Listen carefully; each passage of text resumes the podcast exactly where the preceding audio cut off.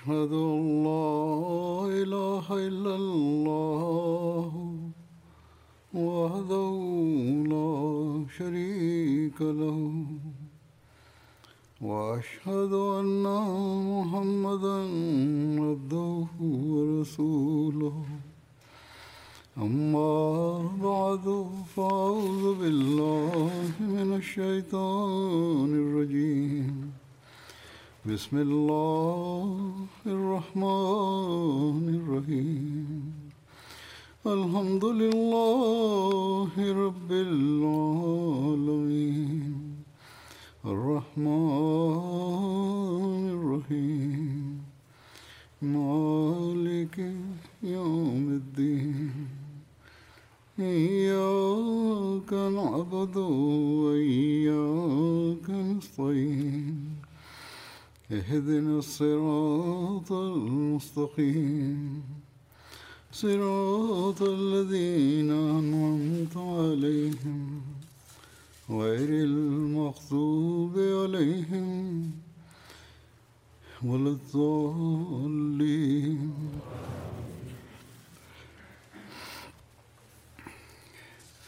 فبما رحمة من الله لنت لهم ولو كنت فظا غليظ القلب لانفضوا من حولك.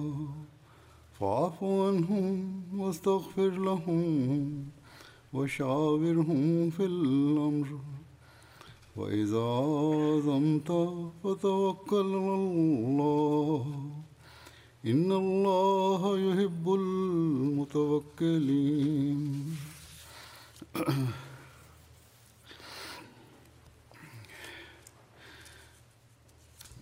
آیت کا ترجمہ ہے کہ بس اللہ کی خاص رحمت کی وجہ سے maka karena rahmat dari Allah lah engkau bersikap lemah lembut terhadap mereka. Dan seandainya engkau kasar dan keras hati, niscaya mereka akan bercerai-berai dari sekitar engkau. Karena itu, maafkanlah mereka, mohonkanlah ampunan untuk mereka, bermusyawarahlah dengan mereka dalam urusan yang penting, dan apabila engkau telah mengambil suatu ketetapan, maka bertawakallah kepada Allah. Sesungguhnya Allah mencintai orang-orang yang bertawakal.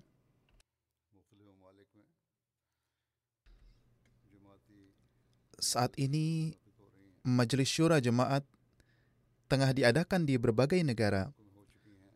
Ada negara yang telah selesai melaksanakannya, ada juga yang akan menyelenggarakan minggu ini dan minggu depan. Di Jerman serta banyak negara lain, Majelis Syura akan dimulai hari ini. Demikian pula, Majelis Syura Inggris akan diadakan minggu depan bersama dengan banyak negara lainnya. Saya sebelumnya telah menarik perhatian terhadap pentingnya syura dan tanggung jawab para wakil dalam khutbah saya. Namun, karena beberapa tahun telah berlalu, untuk itu saya menganggap tepat untuk sekali lagi menyampaikan beberapa hal pada hari ini berkenaan dengan syura, sesuai dengan perintah Allah Ta'ala teladan Nabi Shallallahu Alaihi Wasallam dan tradisi serta praktik-praktik yang diterapkan oleh jemaat. Di mana majelis syura telah berlangsung, para wakil syura dapat memperoleh manfaat dari arahan sehubungan dengan tanggung jawab anggota syura. Hal ini karena tanggung jawab tertentu dari anggota majelis syura berlaku hanya setelah rekomendasi dari majelis syura dan keputusan yang diambil oleh khalifah adalah tugas setiap anggota syura untuk memenuhi tanggung jawab ini dan memainkan peran mereka. Namun demikian, sebelum menarik perhatian pada tanggung jawab, saya akan menyampaikan beberapa hal sehubungan dengan ayat yang saya bacakan dan saya akan menjelaskan contoh dan amalan Nabi suci Shallallahu alaihi wasallam di mana ayat tersebut bersaksi tentang fakta bahwa Nabi suci Shallallahu Alaihi Wasallam sangat berhati lembut terhadap umatnya, berkat rahmat yang khas dari Allah Ta'ala. Pada saat yang sama, Allah Ta'ala juga telah membimbing dan menarik perhatian kita pada fakta bahwa mereka yang dipercaya untuk memajukan misi Nabi suci Shallallahu Alaihi Wasallam dan mereka yang memenuhi misi Masih Maud dan Mahdi yang akan datang dalam penghambaan kepada beliau Shallallahu Alaihi Wasallam sesuai dengan nubuatan-nubuatan suci Nabi Shallallahu Alaihi Wasallam merupakan tugas mereka juga untuk bertindak dengan cinta, kasih sayang, dan kebaikan. Allah Ta'ala berfirman bahwa jika engkau tidak bersikap baik hati, malah keras hati, dan mudah marah, maka orang-orang ini akan pergi meninggalkan engkau. Oleh karena itu, Allah Ta'ala memerintahkan kita untuk memaafkan dan memohon ampunan, dan bersama dengan ini, Dia juga memerintahkan kita untuk meminta musyawarah. Jadi, Majelis Syura diadakan sesuai dengan prinsip dan ajaran ini. Namun, seperti yang terlihat jelas dari namanya, majelis ini hanya mengajukan musyawarah, bukan membuat keputusan. Oleh karena itu, Allah Ta'ala telah menyatakan bahwa keputusan apa pun yang kalian buat setelah musyawarah ini, amalkanlah dengan bertawakal sepenuhnya kepada Allah Ta'ala. Selanjutnya, jika kalian bertawakal kepada Allah Ta'ala, Dia akan memberikan hasil yang penuh dengan keberkatan luar biasa. Kita melihat teladan terbesar akan ketawakalan kepada Allah Ta'ala dalam pribadi Nabi Suci Sallallahu Alaihi Wasallam. Dalam banyak hal, Nabi Sallallahu Alaihi Wasallam menerima petunjuk langsung dari Allah Ta'ala. Namun, dalam hal yang berkenaan dengannya tidak terdapat perintah yang jelas dari Allah Ta'ala, beliau Sallallahu Alaihi Wasallam pasti akan meminta musyawarah. Amalan beliau dan perintah Allah Ta'ala ini mengajarkan kepada kita bagaimana seharusnya sikap pengurus jemaat terhadap anggota jemaat. Dan kita harus melakukan tugas kita melalui musyawarah bersama.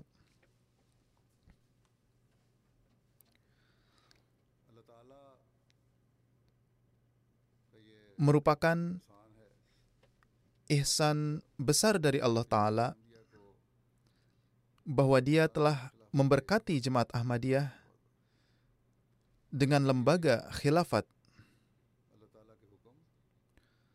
Dengan demikian, sesuai dengan perintah Allah Ta'ala dan hadis Nabi Suci Sallallahu Alaihi Wasallam, Khalifah juga meminta musyawarah dari jemaat-jemaat yang tersebar di seluruh dunia sesuai dengan keadaan mereka.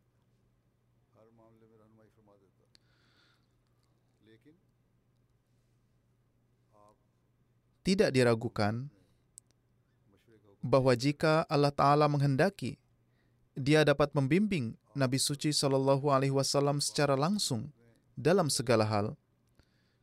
Namun dengan memerintahkan beliau untuk meminta musyawarah dalam hal-hal tertentu, meminta nasihat dalam berbagai hal, sebenarnya berfungsi sebagai panduan bagi kita untuk menapaki jalan yang benar untuk menjalankan tugas kita melalui musyawarah bersama dan untuk membentuk kesatuan dalam umat. Sebuah hadis menjelaskan tentang hal ini. Hazrat Ibnu Abbas radhiyallahu an meriwayatkan bahwa ketika ayat syawirhum fil amr turun yang artinya bermusyawarahlah dengan mereka dalam suatu permasalahan, Nabi Wasallam bersabda, meskipun Allah dan Rasulnya Shallallahu Alaihi Wasallam tidak membutuhkan ini, Namun Allah Ta'ala telah menetapkannya sebagai sarana rahmat bagi umatku. Oleh karena itu, barang siapa yang bermusyawarah tidak akan kehilangan petunjuk. Sebaliknya, orang yang tidak bermusyawarah tidak akan terhindar dari kehinaan. Oleh karena itu, meskipun Nabi suci Shallallahu Alaihi Wasallam tidak membutuhkan musyawarah apa pun, namun beliau tetap meminta musyawarah untuk memberikan contoh bagi para pengikutnya, karena dengan perantaraan itu mereka akan selalu dapat mengambil bagian dari rahmat Allah Ta'ala dan terus menapaki jalan petunjuknya dan menghindari kehinaan. Merupakan anugerah khas dari Allah Ta'ala kepada kita bahwa kita memiliki sistem syura yang mapan. Semua Ahmadi, terutama anggota syura, harus menghargai ini dan bersyukur kepada Allah Ta'ala karena Dia telah menyediakan sarana petunjuk bagi kita. Saya akan menjelaskan beberapa peristiwa dalam sejarah di mana Nabi Shallallahu Alaihi Wasallam meminta musyawarah dan bagaimana beliau melakukannya. Metode ini jugalah yang diadopsi oleh para Khulafa Rashidin. Dan di zaman ini, Hazrat Masih Maud alaihissalatu juga menerapkan praktik ini. Umumnya, kita menemukan tiga metode dalam meminta musyawarah. Salah satunya adalah ketika muncul masalah yang membutuhkan konsultasi, seseorang akan mengumumkan agar orang berkumpul, lalu orang-orang pun berkumpul. Kemudian, berdasarkan saran dan pendapat yang diusulkan itu, Nabi Shallallahu Alaihi Wasallam atau para khulafa Rashidin akan membuat keputusan, yakni berdasarkan musyawarah ini dan itu. Keputusan kita adalah ini dan akan diimplementasikan. Karena pada zaman itu ada kepala suku untuk itu, meskipun suku berkumpul dalam jumlah besar, gagasan akan diungkapkan oleh kepala suku atau pemimpin sebagai perwakilan. Orang-orang dulu sangat senang jika ketua atau pemimpin mereka mewakili mereka untuk menyampaikan pendapat mereka. Bahkan, jika seseorang dengan penuh ambisi berusaha untuk mengungkapkan pendapatnya yang bertentangan dengan tradisi masa itu, Nabi suci Shallallahu Alaihi Wasallam akan memerintahkan orang tersebut untuk menyampaikan gagasannya itu kepada kepala atau pemimpin mereka agar mereka dapat menyampaikannya. Jika tidak, pendapatnya tidak akan ada nilainya. Ini adalah salah satu metode musyawarah. Metode kedua adalah bahwa Nabi suci Shallallahu Alaihi Wasallam memanggil orang-orang yang dianggap tepat untuk dimintai musyawarah daripada mengundang semua orang secara umum. Kemudian beliau Shallallahu Alaihi Wasallam berkonsultasi dengan kelompok orang tersebut. Metode ketiga adalah jika menurut hemat Rasulullah Shallallahu Alaihi Wasallam, dua orang sebaiknya tidak berkumpul sekaligus maka Nabi suci Shallallahu Alaihi Wasallam akan memanggil orang-orang secara individu, lalu meminta musyawarah dari mereka. Beliau pertama-tama akan berkonsultasi dengan satu orang, kemudian akan memanggil yang kedua.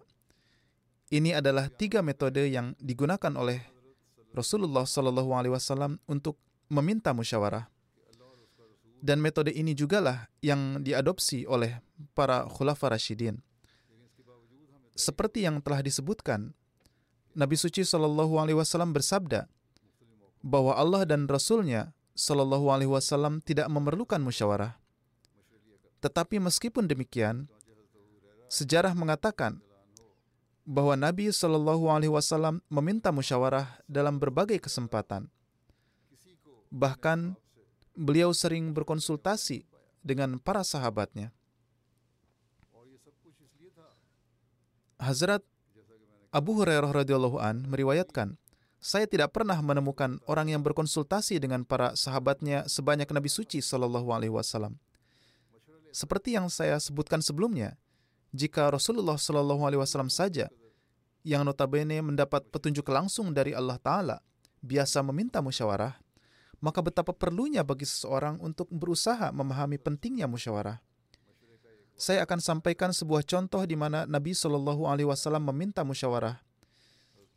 Disebutkan dalam sebuah riwayat, Hazrat Muaz bin Jabal radhiyallahu an mengatakan, ketika Nabi suci Shallallahu Alaihi Wasallam memutuskan untuk mengirim saya ke Yaman, beliau meminta musyawarah dari banyak sahabat, termasuk di antaranya Hazrat Abu Bakar radhiyallahu an, Hazrat Umar radhiyallahu an, Hazrat Utsman radhiyallahu an, Hazrat Talha radhiyallahu an, Hazrat Zubair radhiyallahu an, dan banyak lainnya. Hazrat Abu Bakar radhiyallahu an berkata, "Kalaupun huzur tidak meminta musyawarah dari kami, kami tidak akan mengatakan apa-apa."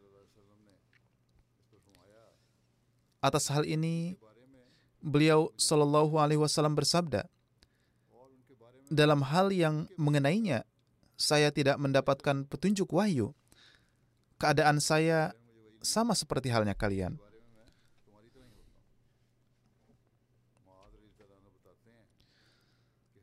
Hazrat Muaz radhiyallahu an berkata, sesuai dengan sabda Rasulullah Shallallahu Alaihi Wasallam, bahwa kami harus memberikan pendapat ketika diminta oleh Nabi.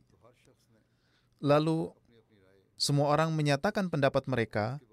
Setelah itu Nabi suci Shallallahu Alaihi Wasallam bersabda, Muaz, beritahu saya apa pendapatmu.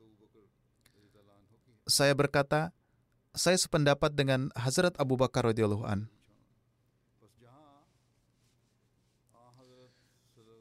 Jadi Nabi Shallallahu Alaihi Wasallam bahkan bertanya kepadanya yaitu Hazrat Muaz. Ungkapan Nabi Shallallahu Alaihi Wasallam ini tidak hanya menunjukkan kesederhanaan, kerendahan hati, dan pentingnya musyawarah, tetapi juga merupakan contoh yang sangat baik bagi kita tentang betapa pentingnya musyawarah yang harus kita berikan.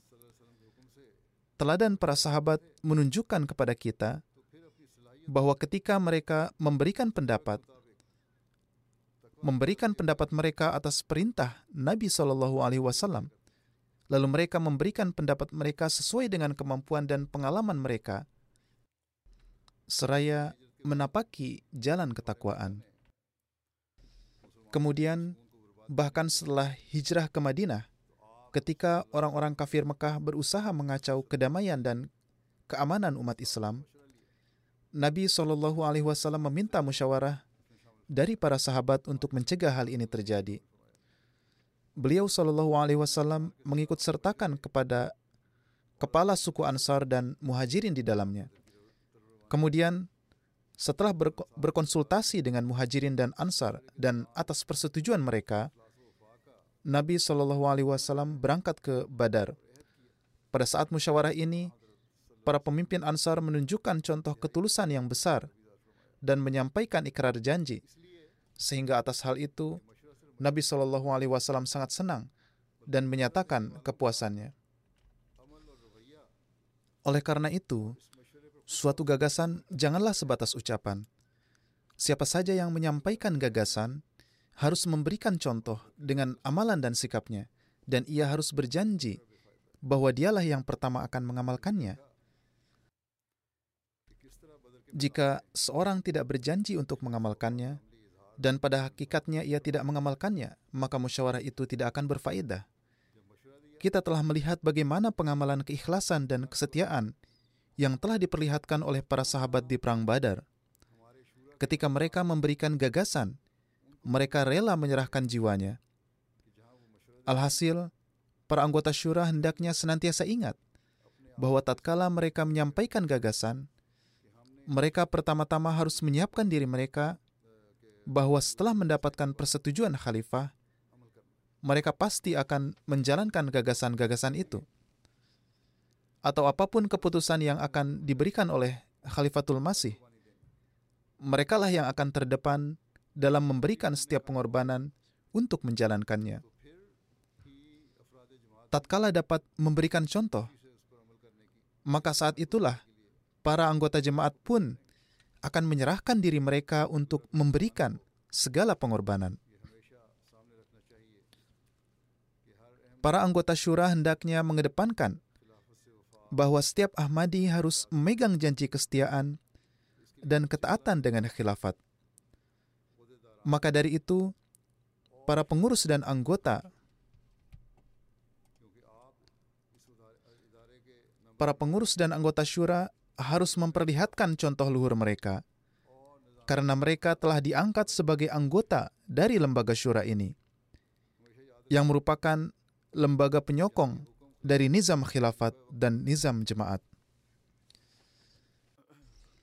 Ingatlah selalu bahwa di mana pun terdapat perintah kepada Hazrat Khalifah bahwa sebagaimana sunnah yang mulia Rasulullah Shallallahu Alaihi Wasallam agar meminta pendapat kepada umat dalam perkara penting agama,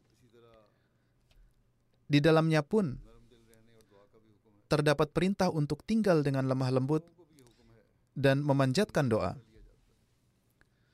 Kepada mereka, yakni yang dimintakan pendapat pun, terdapat perintah agar memberi pendapat atas dasar niat suci dan ketakwaan. Jadi, orang-orang yang dimintakan pendapatnya pun hendaknya selalu ingat bahwa pendapat-pendapat mereka harus berdasar pada niat suci dan standar ketakwaan yang tinggi. Jadi, dalam hal ini, para anggota syura memiliki tanggung jawab yang besar, dan mereka harus menilai sampai manakah standar ketakwaan mereka.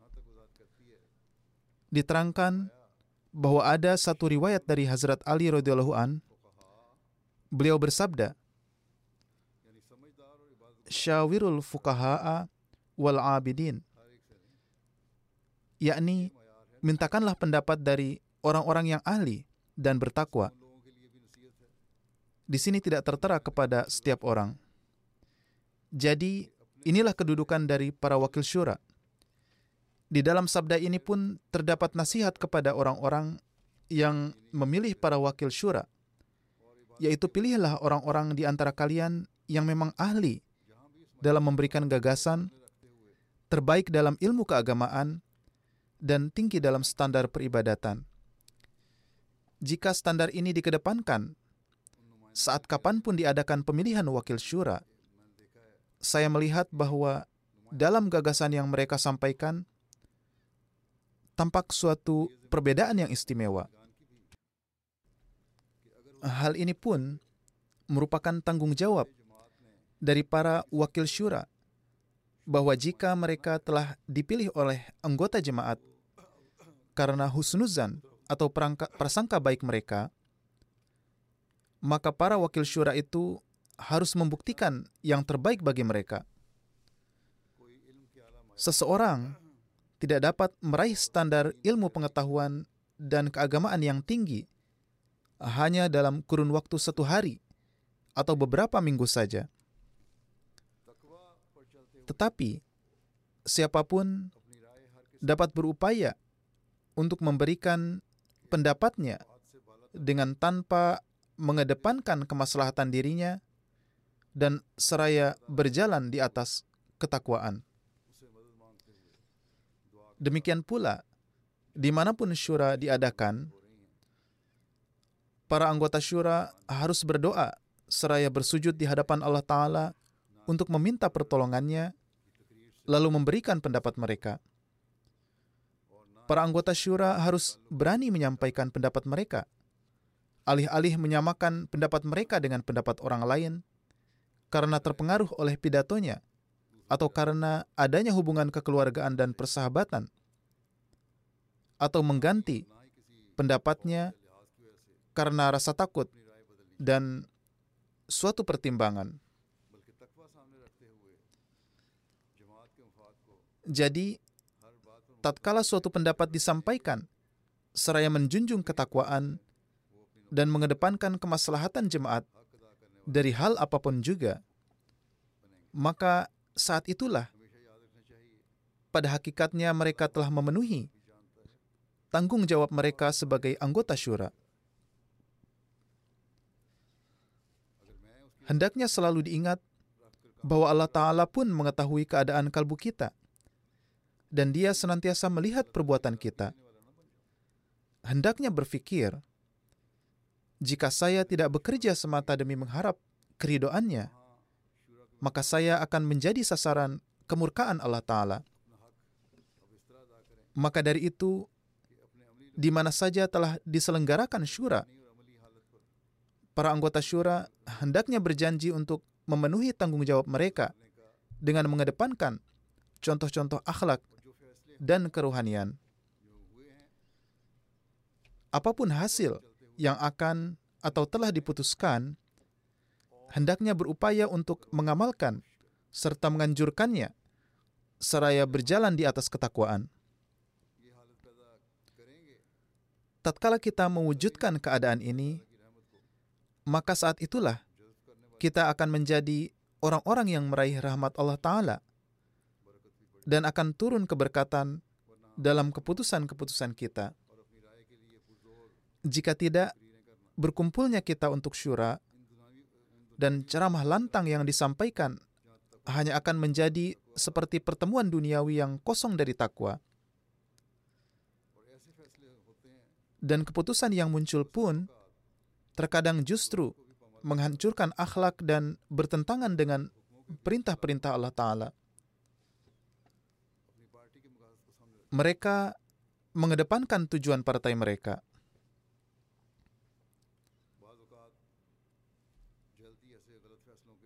Terkadang, dari keputusan yang keliru ini, dalam waktu yang cepat melahirkan hasil yang merusak perdamaian dan ketentraman. Namun terkadang timbul juga dalam waktu lama. Meski demikian, di dalamnya sungguh tidak ada keberkatan. Bagaimanapun juga, keputusan mereka itu adalah keputusan yang bertentangan dengan hukum-hukum Allah Ta'ala, yang pada akhirnya menjadi sebab kehancuran kaumnya. Alhasil, seraya melihat keadaan orang-orang duniawi ini pun, kita hendaknya menaruh perhatian pada perbaikan keadaan kita. Sebagaimana saya sampaikan, usulan-usulan anggota syura disampaikan ke hadapan Khalifatul Masih dan syura ini diselenggarakan atas undangan dari Khalifatul Masih. Alhasil, hendaknya selalu diingat bahwa Majelis Syura adalah lembaga yang menyokong khilafat. Maka dari itu, setelah khilafat, lembaga ini memegang peran yang sangat penting dalam jemaat, dan setiap anggota yang terpilih untuk syura merupakan anggota untuk satu tahun lamanya. Jadi, mereka harus selalu mengedepankan keistimewaan mereka ini. Berdasarkan agenda dan pengajuan dari Majelis Syura inilah, Khalifatul Masih dapat mengetahui permasalahan di berbagai negara dan usulan-usulan yang muncul menjadi panduan bagi penyelesaian masalah-masalah tersebut. Terkadang, beberapa hal terkait penyelesaian suatu permasalahan tidak dijelaskan secara terinci atau bahkan tidak diterangkan di hadapan anggota syura. Namun para khalifah memasukkannya ke dalam pedoman pelaksanaan. Ada saat-saat tertentu ketika saya juga menerapkan praktik yang sama ini. Bagaimanapun, setiap anggota syura harus sepenuhnya memahami bahwa syura ini memiliki keistimewaan tersendiri. Dan ini tidak terbatas untuk tiga hari, melainkan untuk sepanjang tahun. Setiap anggota syura harus berupaya memastikan bahwa keputusan apa pun yang dihasilkan tengah dilaksanakan dan bekerja sama dengan pengurus untuk memastikan penerapannya.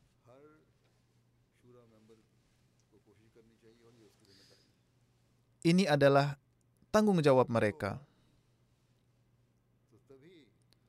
Tatkala ini dipenuhi, maka saat itulah rencana-rencana untuk kemajuan jemaat akan berada di arah yang benar dan akan dapat dilaksanakan dengan sebaik-baiknya. Dengan ini, kita akan dapat menjadi penolong dalam misi memberi bimbingan yang untuk ini Hazrat Masih Maud alaihissalatu wassalam diutus. Jika ini tidak terpenuhi, maka tidak ada gunanya menjadi anggota syura. Di sini, saya juga hendak menyampaikan bahwa umumnya syura di setiap negara dipimpin oleh amir mereka. Terkadang ada orang yang mengungkapkan pendapatnya dengan terlalu keras hingga mengucapkan kata-kata yang bertentangan dengan kesucian syura. Pertama-tama, hendaknya para anggota syura saat menyampaikan pendapatnya, mereka menyampaikannya dengan cara yang sesuai dan kata-kata yang pantas, alih-alih menyampaikannya dengan keras dan tanpa kendali. Terkadang mereka yang menyampaikan pendapat berbicara dengan cara yang menyebabkan para pengurus atau amir jemaat yang memimpin syura menganggap bahwa orang tersebut secara langsung atau tidak langsung sedang menentang mereka lalu dalam kapasitasnya sebagai ketua sidang mereka menggunakan kata-kata yang keras untuk menyela orang yang berbicara atau menegur mereka. Di sini, para amir juga harus menunjukkan kelapangan. Mereka harus memandang pembicara secara positif dan mempertimbangkan bahwa orang tersebut sedang berbicara demi kemaslahatan jemaat dan karena gejolak kecintaannya kepada jemaat jika seseorang menggunakan kata-kata yang keras atau kata-kata yang bertentangan dengan kesucian syura, maka Anda dapat menghentikan orang tersebut dengan lemah lembut. Janganlah bertingkah laku yang dapat menyebabkan orang lain berpikir bahwa ketua sidang tengah melindungi kehormatan pribadinya. Terutama saat anggaran sedang dibahas, emosi kerap memuncak yang berujung pada pengucapan hal-hal yang tidak patut diungkapkan. Bahkan dalam keadaan seperti itu, sekretaris terkait, yaitu sekretaris keuangan dan ketua, harus mendengarkan ulasan dengan tenang dan memberikan jawaban yang memuaskan. Mereka harus benar-benar mendiskusikan anggaran yang seharusnya. Bagaimana penerimaan dibanding pengeluarannya, dan bagaimana agar anggaran itu diterima. Siapa saja yang melakukannya, ia melakukannya dengan mengedepankan kepentingan jemaat, sehingga hendaknya tidak boleh berprasangka buruk.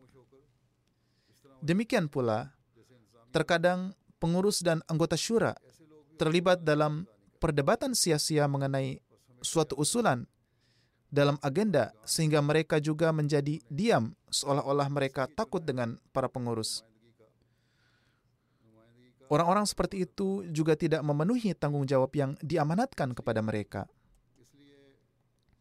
Oleh karena itu, ingatlah selalu bahwa anggota telah memilih para wakil syura supaya dapat mewakili mereka dan memenuhi amanat mereka sebagaimana mestinya. Maka dari itu, hendaknya para anggota syura tidak mengikutkan perkara pribadi dan juga tidak boleh memiliki rasa takut. Ingatlah selalu fakta bahwa Allah bahwa orang-orang telah memilih Anda berdasarkan perintah Allah Ta'ala berikut ini, tu'addul amanati ila ahliha, yaitu berikanlah amanat kepada mereka yang ahli atasnya. Khalifatul Masih pun meyakini bahwa tatkala para Ahmadi telah memilih wakil mereka dengan niat yang baik dan sesuai dengan perintah Allah Ta'ala ini, maka hendaknya mereka pun memenuhi tanggung jawab mereka atas amanat yang diberikan kepada mereka. Jika para wakil syura tidak memenuhi tanggung jawab mereka ini, maka hal ini tidak hanya melukai kepercayaan yang diberikan para anggota jemaat, tetapi mereka pun tengah berkhianat kepada khalifah karena tidak memenuhi tanggung jawab yang diamanatkan kepada mereka. Tetapi di sini ada satu corak keadaan juga. Ada beberapa wakil yang tidak dipilih oleh anggota seraya menempuh ketakwaan, yaitu karena adanya hubungan kekerabatan atau persahabatan. Dalam hal ini, mereka yang memilih pun menjadi berdosa karena telah melakukan hal yang keliru ini. Jika mereka tidak menjalani kewajiban mereka, maka mereka harus memanjatkan istighfar. Di sini, saya hendak sampaikan juga kepada para wakil syura dan pengurus, tatkala mereka telah dipilih, namun di dalam diri mereka tidak terdapat standar kerohanian dan amalan yang sebagaimana mestinya, maka seraya mereka memohon istighfar, mereka hendaknya berjanji untuk mengadakan perubahan dalam keadaan-keadaan mereka dan berupaya menjadikan diri mereka siap untuk memenuhi amanat yang dibebankan kepada mereka, seraya teguh berjalan di atas ketakwaan. Ketika usaha-usaha ini ditempuh, maka dengan semata mengharapkan keridhaan Allah Ta'ala, kita pun akan menjadi orang-orang yang menolong misi Hazrat Masih Maud alaihissalatu wassalam dan yang berupaya memperbaiki keadaan kerohanian dan amalan kita. Sebagaimana telah saya sampaikan, mereka menjadi wakil syura selama satu tahun – dan sepanjang kurun waktu itu mereka harus bekerja sama dengan pengurus serta berupaya mengamalkan keputusan-keputusan syura dan menganjurkannya kepada Ahmadi yang lain dan senantiasa mengawasi apakah jemaatnya tengah mengamalkan hasil syura tersebut sesuai dengan yang telah diputuskan oleh Khalifatul Masih atau tidak atau hanya mengamalkannya hingga batas tertentu. Jadi dalam hal ini anda sekalian harus menjadi penolong khalifah. Terkadang tampak bahwa hasil syura ini tidak diterapkan oleh para pengurus dengan kesungguhan, melainkan dengan kemalasan. Dalam hal ini, adalah tugas para wakil syura untuk tidak hanya menarik perhatian anggota jemaat, tetapi juga para pengurus terhadap tanggung jawab mereka jika mereka tetap tidak mengindahkannya dan usulan tersebut tidak dilaksanakan sebagaimana mestinya, maka Anda harus menyurati pusat. Banyak pengurus yang juga anggota syura, sehingga tugas mereka tidak hanya untuk mengurus departemen mereka sendiri, melainkan juga harus meninjau dengan serius keputusan Khalifah yang belum dilaksanakan. Ini terlepas dari apakah itu berkaitan dengan departemen mereka atau orang lain. Pengurus yang berkaitan dan amir harus memperhatikan hal ini dan hal ini juga harus disampaikan kepada Amilah. Jika ini tidak dilakukan, maka para pejabat dan wakil tersebut juga tidak menunaikan amanat mereka. Dengan membuat berbagai alasan, mungkin di dunia ini akan selamat. Tetapi Anda harus selalu ingat bahwa tidak ada yang tersembunyi dari Allah Ta'ala. Dia akan meminta pertanggungjawaban Anda sehubungan dengan memenuhi amanat Anda. Ini adalah masalah yang betul-betul harus kita renungkan. Kita tidak boleh bangga dengan fakta bahwa kita adalah delegasi syura atau pengurus. Sebaliknya, setiap orang harus memperhatikan tanggung jawab mereka. Seperti yang telah saya katakan, jika terlepas dari upaya wakil syura, para pengurus tidak melaksanakan keputusan dari syura, maka pusat harus diberitahu tentang hal ini. Beberapa orang sudah bertindak sesuai dengan ini. Bukan karena tidak ada yang bertindak berdasarkan ini. Jika pengurus tidak melaksanakan keputusan, maka kantor pusat diberitahu. Namun, kekhawatiran seperti itu biasanya muncul ketika ada perselisihan pribadi dengan pengurus. Cara ini tidaklah sesuai dengan ketakwaan. Jika setiap delegasi dan pengurus berusaha untuk menerapkan usulan-usulan syura yang sudah disetujui dengan benar, maka tidak perlu mengajukan usulan yang sama lagi di tahun berikutnya atau setelah beberapa tahun. Jika usulan diajukan lagi, itu berarti usulan tersebut tidak sepenuhnya dilaksanakan, atau setidaknya tidak dengan cara yang seharusnya. Dengan demikian, jemaat lokal dan pengurus harus merenungkan apakah mereka berjalan di atas ketakwaan dan memenuhi amanat mereka. Apakah mereka memenuhi janji mereka untuk setia dan taat kepada khilafat?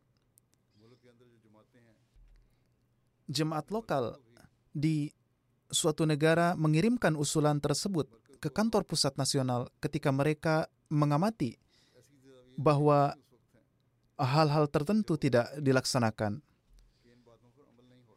Jika hal-hal ini dilaksanakan dan ada pengawasan di setiap tingkat sejauh mana pelaksanaannya, maka usulan tidak akan pernah diajukan lagi. Selain itu, negara-negara tidak pernah perlu lagi mengirimkan usulan tersebut kepada khalifah dengan penjelasan yang menyatakan bahwa mereka tidak merekomendasikan usulan tertentu untuk menjadi bagian dari syura karena usulan tersebut telah diajukan satu atau dua tahun sebelumnya. Saat menulis ini, pusat nasional harus mengungkapkan penyesalan mereka karena tidak dapat mengimplementasikan usulan tersebut dan mereka akan mengimplementasikannya di tahun ini. Mereka harus menulis bahwa jika mereka gagal untuk melaksanakan usulan tersebut, mereka harus dianggap sebagai orang yang zalim dan termasuk di antara orang-orang yang tidak memenuhi amanat mereka. Oleh karena itu, mereka harus secara resmi menulis sebagai berikut. Dengan kerendahan hati, kami mohon maaf dan meminta untuk tidak mengajukan usulan ini tahun ini. Ketika Anda menulis dengan cara ini, Anda juga akan memahami tanggung jawab Anda. Paling tidak, dengan demikian, pengurus dan delegasi akan menyadari bahwa meskipun mereka menyampaikan rencana-rencana besar di hadapan khalifah, mereka tidak melaksanakannya. Akibatnya, mereka adalah orang-orang yang zalim dan tidak setia kepada khalifah. Oleh karena itu, bersamaan dengan evaluasi secara keseluruhan, para pengurus dan delegasi harus mengevaluasi diri mereka sendiri bertobat dan berusaha untuk mengidentifikasi faktor-faktor penyebab mengapa tidak ada implementasi di setiap tingkatan. Ini adalah evaluasi yang dapat mengarahkan jemaat ke arah yang benar. Jika tidak, pernyataan di mulut tidak ada manfaatnya. Evaluasi semacam ini harus dilakukan di negara-negara untuk memastikan bagaimana beberapa cabang yang aktif dapat menerapkan 70 hingga 80 persen dari proposal jika tidak 100 persen. Mereka melakukannya dengan semangat karena cinta mereka kepada khalifah yang telah menyetujui rencana ini untuk mereka dan mereka tidak ingin mengingkarinya. Amilah nasional harus mencari tahu semangat apa yang telah menimbulkan revolusi dalam diri para anggota jemaat tersebut. Pengurus cabang yang proaktif seperti itu harus mengadakan pertemuan dengan pengurus dari cabang yang tidak aktif. Nyatanya, bahkan pengurus amilah pusat pun harus mengadakan pertemuan dengan mereka dan mengambil manfaat dari pengamalan dari pengalaman mereka.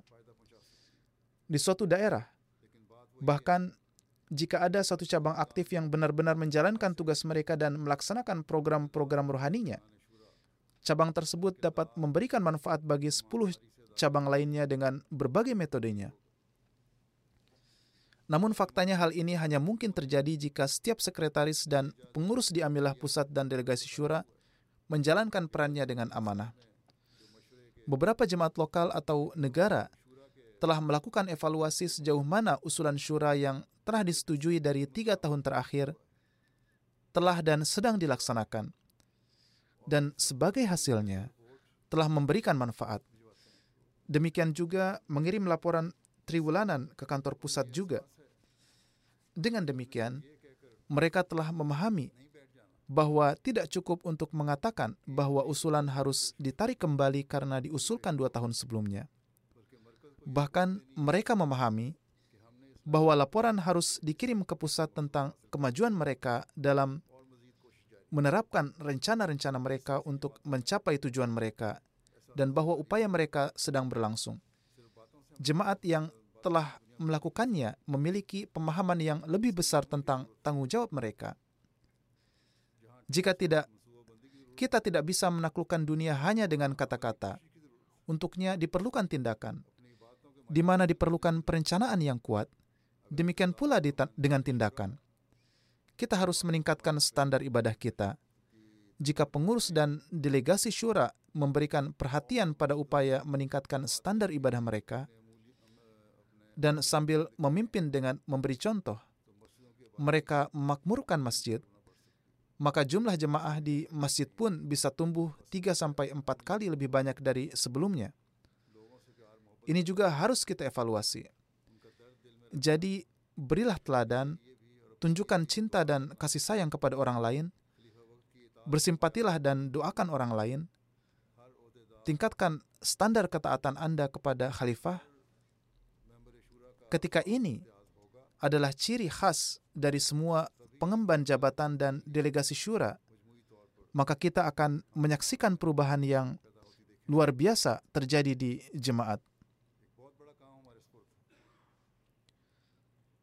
Sebuah tugas yang besar telah dipercayakan kepada kita. Tujuan kedatangan Hazrat Masih Maud alaihissalam dan misi beliau bukanlah tugas yang kecil. Menyebarkan ajaran Islam yang indah di dunia dan mengajak manusia untuk beribadah kepada Tuhan yang Maha Esa merupakan tugas yang membutuhkan usaha yang terus-menerus. Alasan mengapa syura diadakan di semua negara di dunia adalah agar selain membuat rencana untuk memperbaiki kondisi amalan kita, kita juga membuat rencana untuk menyebarkan pesan-pesan Allah Ta'ala untuk menyatukan dunia menjadi satu umat di bawah panji Hazrat Rasulullah Sallallahu Alaihi Wasallam sehingga menciptakan satu revolusi. Ingatlah, ingatlah selalu bahwa pelaksanaan tugas-tugas ini juga membutuhkan dana. Untuk alasan ini, persiapkan anggaran Anda sedemikian rupa sehingga kita dapat memperoleh manfaat yang maksimal dari pengeluaran yang minimal. Mayoritas anggota jemaat terdiri dari orang-orang miskin dan kelas menengah. Oleh karena itu, perencanaan pemasukan canda kita harus sangat luar biasa, sehingga kita dapat melaksanakan tugas menyebarkan agama dan melakukan pertabligan secara maksimal dengan dana seminimal mungkin. Ini hanya dapat dicapai ketika kita memahami bahwa kita harus memenuhi tanggung jawab dan amanat kita seraya berjalan di atas ketakwaan. Dan kita harus menganggap pengkhidmatan kepada agama sebagai suatu karunia dari Allah Ta'ala. Di satu tempat, seraya menasihati kita untuk menapaki ketakwaan, Hazrat Masih Maud alaihissalam bersabda, Allah Ta'ala berfirman, Ya ayuhallazina amanu in tattaqullah yaj'al lakum furqanan wa yukaffir ankum sayyiatikum. Kemudian berfirman, Wa yaj'al lakum nuran tamshuna bihi. Yakni, wahai orang-orang yang beriman, jika kalian tetap melangkah dengan teguh dalam ketakwaan dan tetap tegak serta teguh dalam sifat takwa kalian kepada Allah Ta'ala, maka Allah Ta'ala akan membedakan kalian dari yang lain. Keistimewaan kalian adalah bahwa kalian akan diberi cahaya yang akan menemani kalian di setiap jalan kalian, yakni cahaya itu akan meresapi setiap tindakan, perkataan, kemampuan, dan perasaan kalian. Di dalam pemahaman kalian akan terdapat cahaya, bahkan di dalam perkiraan kalian akan terdapat cahaya. Di dalam mata, telinga, lidah, kata-kata, setiap gerakan dan saat istirahat kalian akan terdapat cahaya. Jalan yang kalian lalui akan bersinar terang. Apa pun jalan yang kalian pilih dan bagaimanapun kemampuan dan indera kalian terwujud, semuanya akan dipenuhi dengan cahaya dan kalian akan berjalan dipenuhnya dalam cahaya. Semoga Allah Ta'ala memberikan taufik kepada kita semua untuk dapat mengemban tanggung jawab kita seraya berjalan di atas ketakwaan. Semoga Allah Ta'ala menutupi kesalahan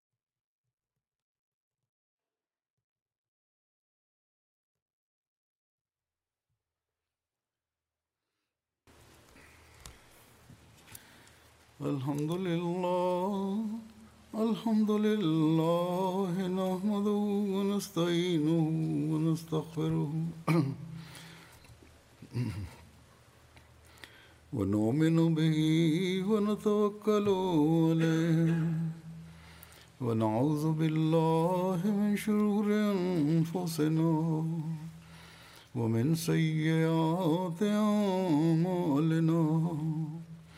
من يهده الله فلا مضل له ومن يضلل فلا هادي له.